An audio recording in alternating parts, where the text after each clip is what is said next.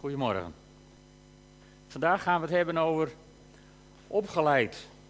Tenminste, dat is het thema. De afgelopen twee zondagen hebben we stilgestaan bij dat traject hoe je ambassadeur kunt worden in Gods koninkrijk. Eerst hebben we gezien hoe zwaar de selectieprocedure was. En we hebben mogen vaststellen dat wij in Jezus Christus zijn goedgekeurd als rechtvaardigen. Dus ik spreek vandaag voor een zaal met heel veel rechtvaardigen. Dat is een goed gevoel.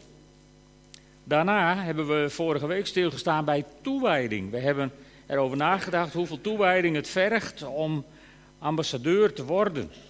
En uh, eigenlijk was de hamvraag aan de hand van Ezekiel 47: hoe nat wil je worden? Hoe ver wil je gaan met God? En vandaag wil ik met jullie stilstaan bij, uh, ja, bij de opleiding, maar vooral eigenlijk bij het volhouden na de opleiding. Voor zover God niet aan een leven lang leren doet, tenminste. En ik wil met jullie lezen uit 2 Timotheus 3, vers 14, 15, 16 en 17.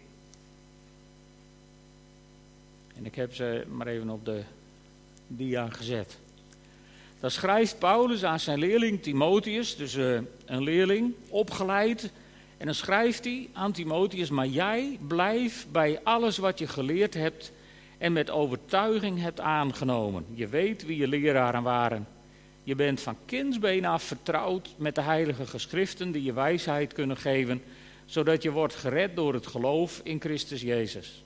Elke schrifttekst is door God geïnspireerd en kan gebruikt worden om onderricht te geven, om dwalingen en fouten te weerleggen en om op te voeden tot een deugdzaam leven.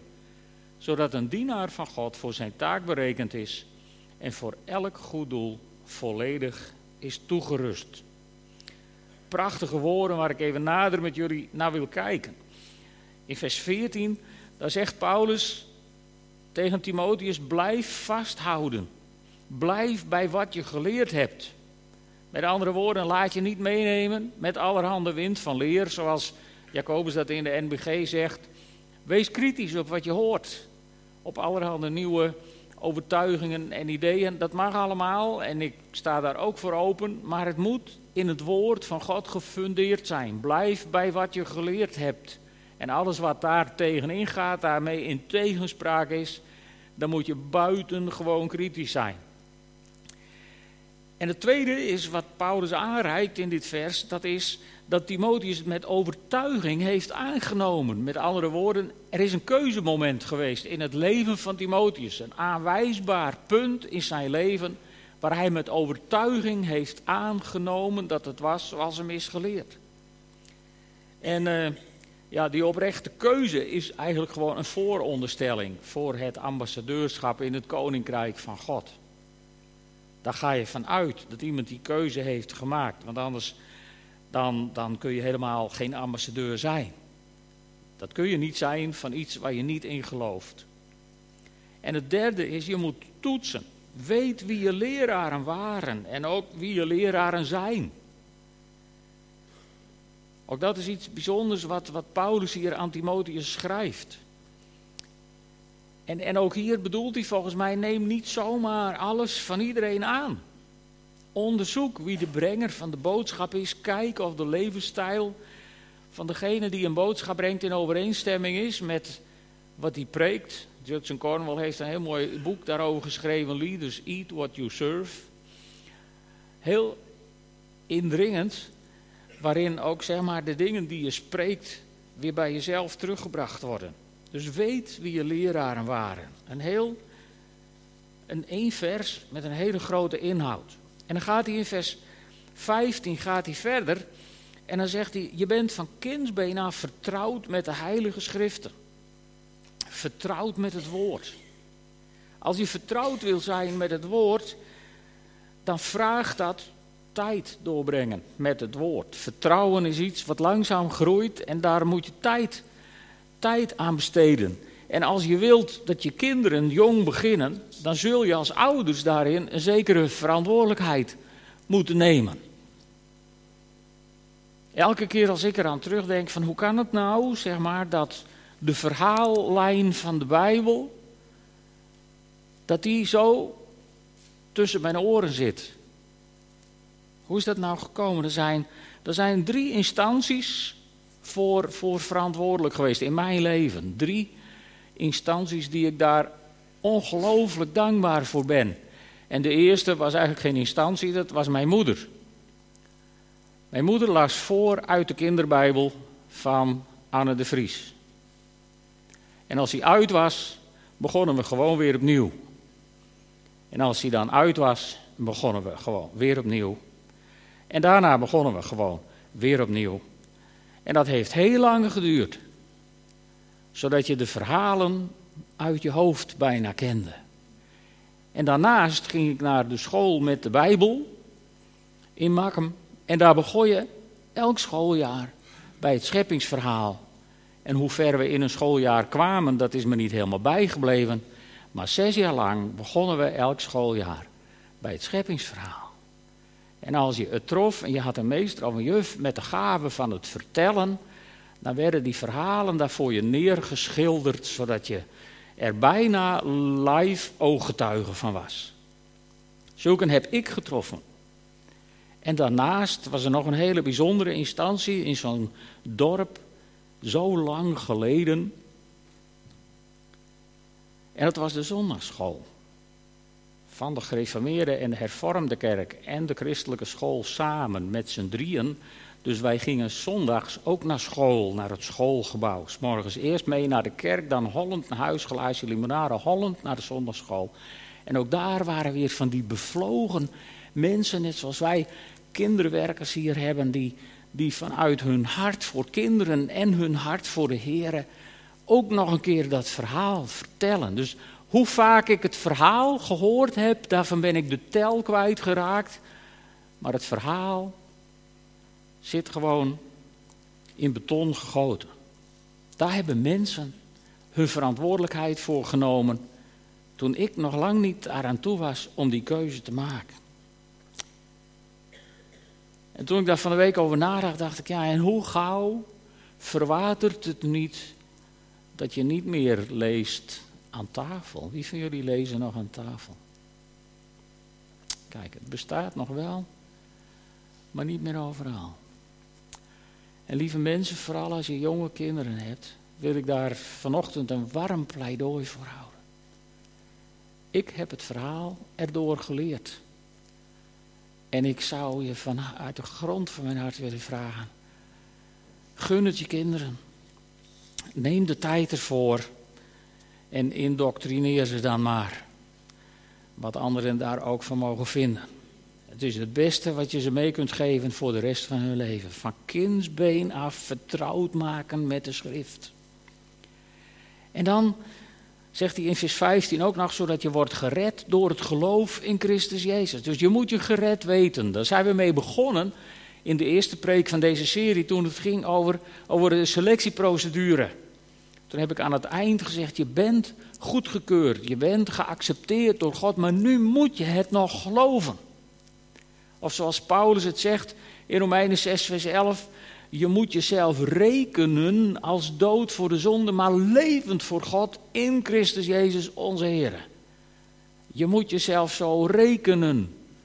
Dat gaat soms dwars tegen je gevoel in. Zeker als je een week hebt gehad waarin je weer even hele lelijke dingen tegen je partner hebt gezegd. Of tegen je kinderen, of misschien als kinderen wel tegen je ouders. Als je zoiets hebt meegemaakt, of je hebt uh, laaiende ruzie met iemand anders gehad dan moet je jezelf opnieuw even weer zo rekenen. Dat je denkt, ja, nee, het, het, het, het leek er van de week niet op, of het leek er vandaag niet op, of het was even niet goed wat ik deed, maar toch, maar toch, maar toch, ik ben levend voor God in Christus Jezus onze Heer. Heel belangrijk dat je daar zo in staat. En dan gaan we even kijken naar die opleiding. Uh, er zijn mensen, zeker in, in, in, in uh, wat meer pinksterachtige kringen, die opleiding maar niks vinden. Ik heb sprekers gehoord die hun preek begonnen met toen ik vanochtend hierheen reed, toen dacht ik, Heer, waar zullen we het vandaag eens over hebben? En de Heer heeft mij, en dan zag ik die ringband voor hun liggen en dan dacht ik, ja, als rondreizend spreker tien preken in een ringband en dan hoeft God alleen maar een nummer te roepen en je hebt een preek. Ik, ik bedoel dit niet oneerbiedig, want soms gebeurt het, is mij één keer gebeurd dat ik in een vreemde gemeente moest spreken en ik had een hele mooie preek uitgezocht, die had ik meegenomen en tijdens de zangdienst maakte de Heer me duidelijk, dit is vandaag niet aan de orde. En die gaf me een bijbeltekst, vandaar ga je vandaag over spreken. En dat is zo eng dat ik in het vervolg nog harder ben gaan werken om me goed voor te bereiden. Want er is niks aan. En het is ook niet waar. Er staat in de Bijbel één mens die geen opleiding hoefde om te doen wat hij van God moest doen. En zijn naam was Besaliel. Heel veel mensen kennen Besaliel niet, maar Besaliel was een jonge man in het volk van Israël ten tijde van de uittocht uit Egypte. En weet je wat voor opleiding Besaliel had gehad? Besaliel had met de zweep gehad van de Egyptische slavendrijvers. En hij had geleerd om met zijn blote voeten in de natte Egyptische klei de klei te kneden met een beetje stro erdoor, zodat ze er stenen voor konden bakken. Dat was de hele opleiding die Bezaliel had gehad als slaaf in Egypte. Die was echt niet naar het voortgezet onderwijs of naar de kunstacademie geweest. Dit was alles. En dan zegt God tegen Mozes, dan zegt hij Bezaliel en Oholiab, er was ook nog zo iemand, moeten alle voorwerpen voor de dienst in het heiligdom maken, precies zoals de Heer het heeft opgedragen. Allen die hun vak verstaan en wie de Heer de wijsheid en het inzicht geschonken heeft die hiervoor nodig zijn, moeten hem helpen. En zo maakten ze de tabernakel. De tabernakel, een kunstwerk van de allerbovenste plank, met allemaal technieken die de Israëlieten al 400 jaar in Egypte niet hadden geleerd. En toch konden ze het. Maar dat is de enige situatie die ik in de Bijbel heb kunnen vinden waarin je niet opgeleid hoefde te worden. Ja, maar zul je dan misschien zeggen, als je wat speciaals voor God moet gaan doen, dan is er een heel speciaal opleidingstraject. En dat klopt, voor een heel paar mensen in de Bijbel. Ik heb er een paar tussenuit gezocht, de, de, de mensen die voor mij het meest opvallen. Jozef bijvoorbeeld, die het volk Israël naar Egypte bracht uiteindelijk om daar te overleven. Jozef, die kreeg een speciale opleiding in het huis van Potifar en in de gevangenis. Daar werd hij getraind. En waarschijnlijk de voettocht ook nog achter een kameel naar Egypte zal ook nog wel aan zijn training hebben bijgedragen. Maar dit was het speciale traject van Jozef. Nou, daar zit je niet op te wachten. Dan was het traject van Mozes, tenminste het eerste deel, dat was wat luxer. 40 jaar aan de hofhouding van Farao, maar het was wel 40 jaar heel hard studeren om al die Egyptische kennis en wijsheid tot je te nemen. En daarna 40 jaar achter de schapen. 80 jaar opleiding, je moet er niet aan denken.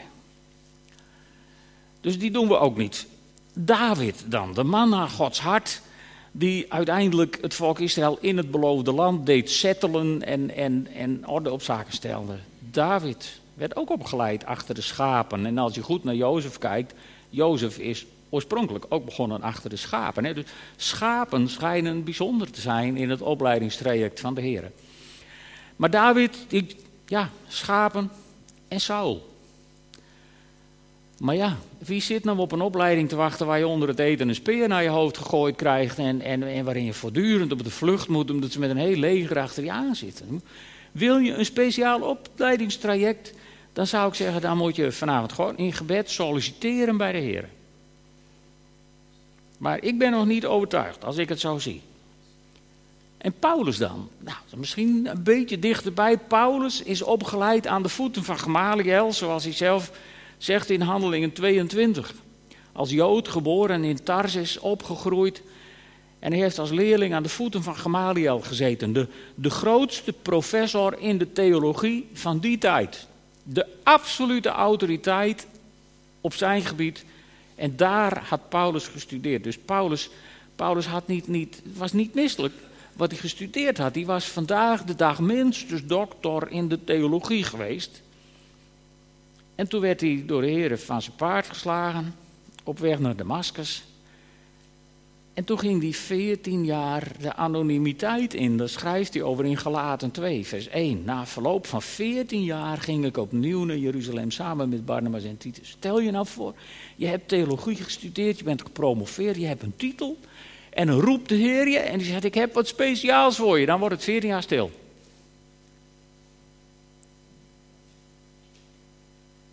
Dat lijkt me ook niks.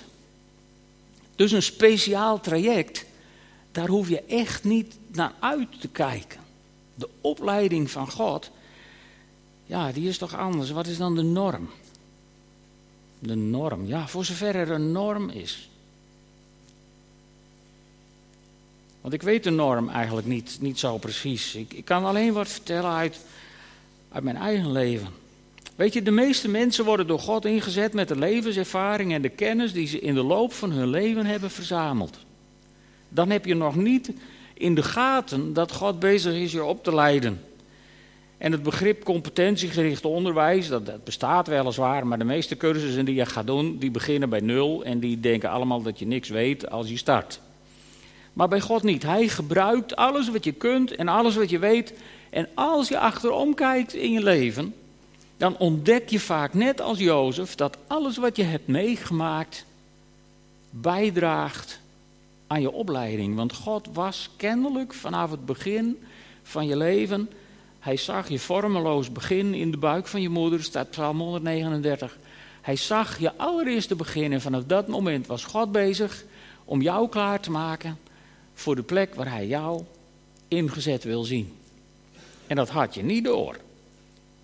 Jozef ook niet en Jozef zijn broers ook niet. Ik, ik denk dat Jozef in Egypte zwaar gebaald heeft eerst in die eerste jaren. Dat hij daar van alles meemaakte als slaaf en als gevangene.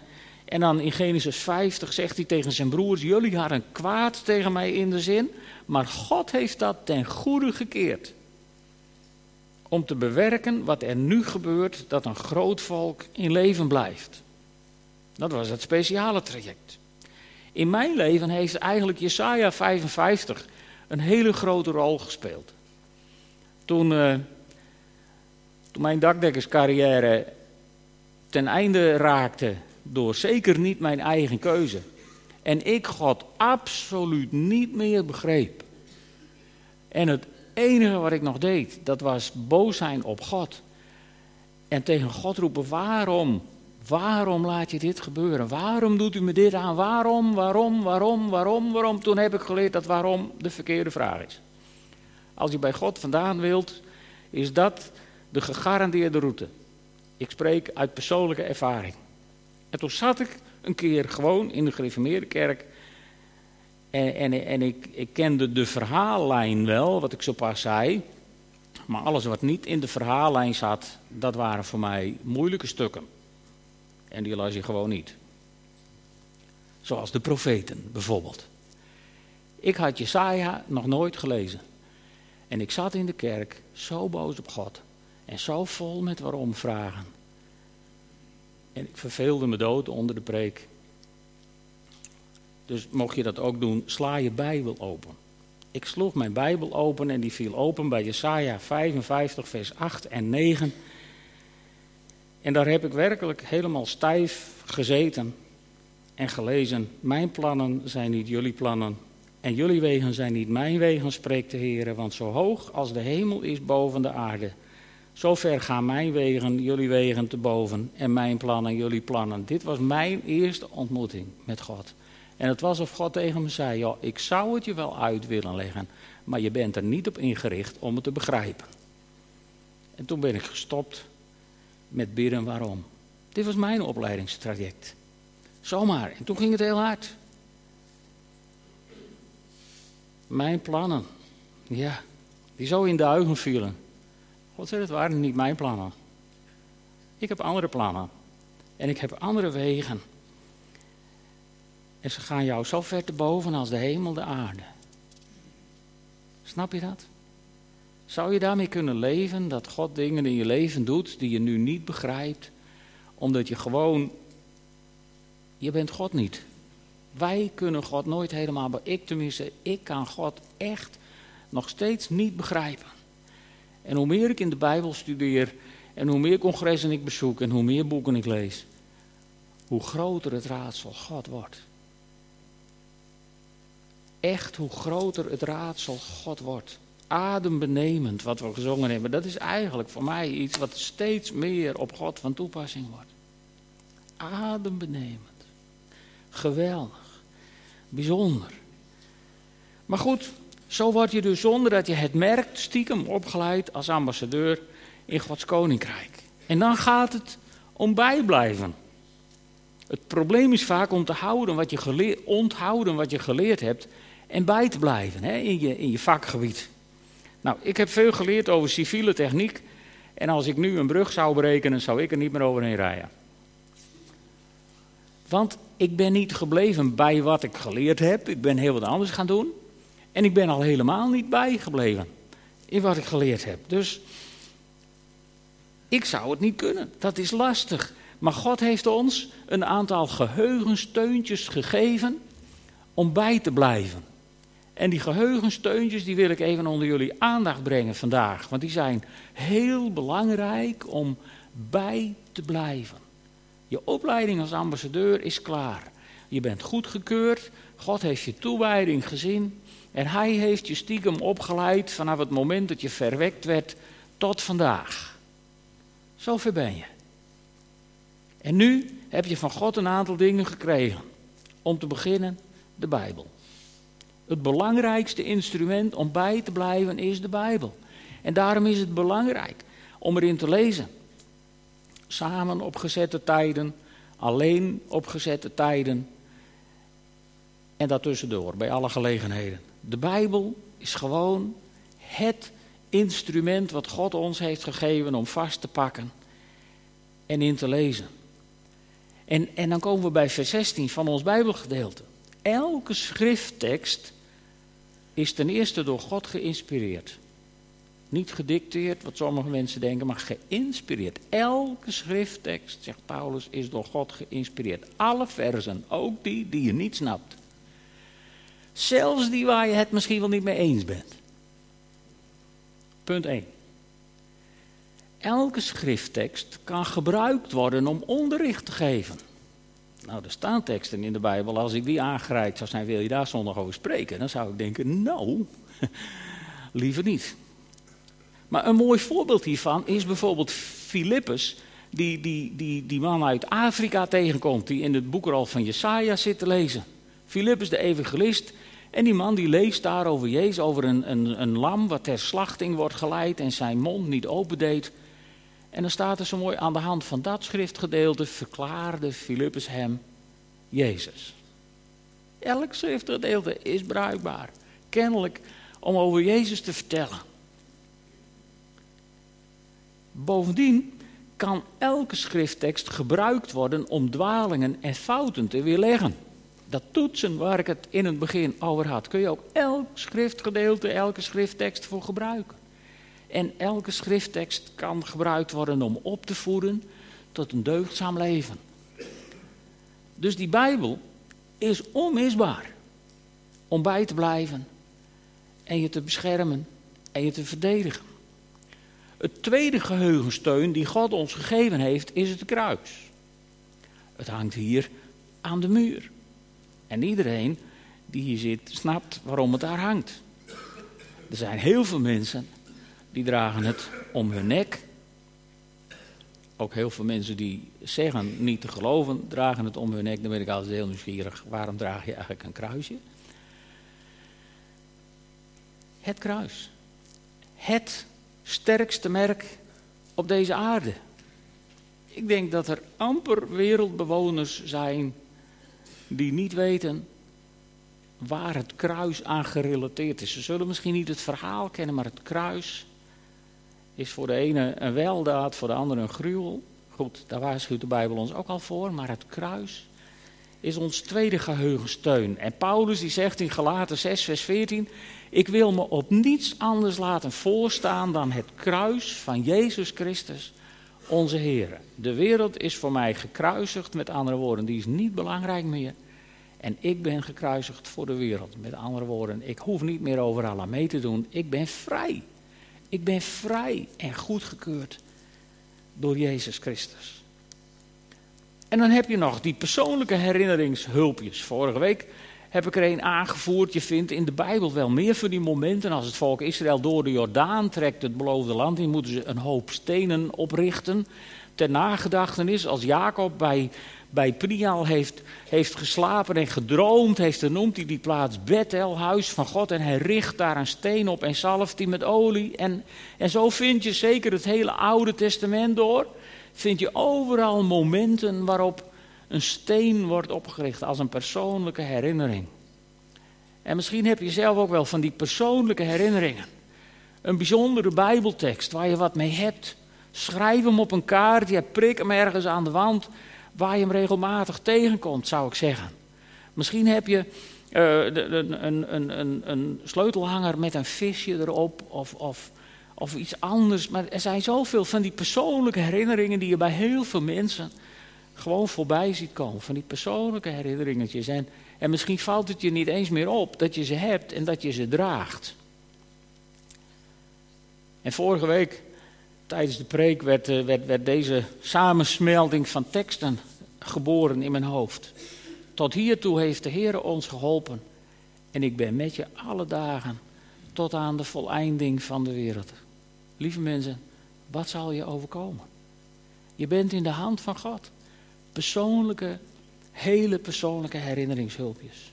En dan is er nog een hele bijzondere vandaag. En dat is, dat is het avondmaal. Moet je maar eens opletten, als Paulus daarover schrijft, dan schrijft hij heel mooi de boodschap die ik ontvangen heb en die ik ook aan u heb doorgegeven. Ga terug, zegt hij, op de Heer Jezus zelf. Met andere woorden, het is een woord van autoriteit en, en het gaat terug in de nacht waarin de Heer Jezus werd uitgeleverd, nam hij een brood en na God gedankt te hebben, brak hij het in stukken en zei, dit is mijn lichaam voor u, doe dat om mij te gedenken. En na de maaltijd neemt Jezus de beker en hij zei, deze beker is het nieuwe verbond, een verbond dat bekrachtigd wordt door mijn bloed elke keer als u hem drinkt. Doe dat om mij te gedenken. Twee keer in het stukje van het avondmaal zegt Jezus: Doe dit om mij te gedenken. Ook zo'n herinneringshulpje. Ja, hulp, zeg maar. Wat Jezus aan de kerk heeft gegeven. Doe dit om mij te gedenken. Weet waar het over gaat. Doe dit om mij, opdat wij niet vergeten. Er is God alles aangelegen dat wij niet vergeten. Waar we vandaan komen, wat God voor grote dingen heeft gedaan en wat Jezus Christus voor ons heeft gedaan. Opdat wij niet vergeten. En dan hebben we nog één, vers 17. Daar staat zodat een dienaar van God voor zijn taak berekend is en voor elk doel volledig is toegerust. Lieve vrienden, gefeliciteerd.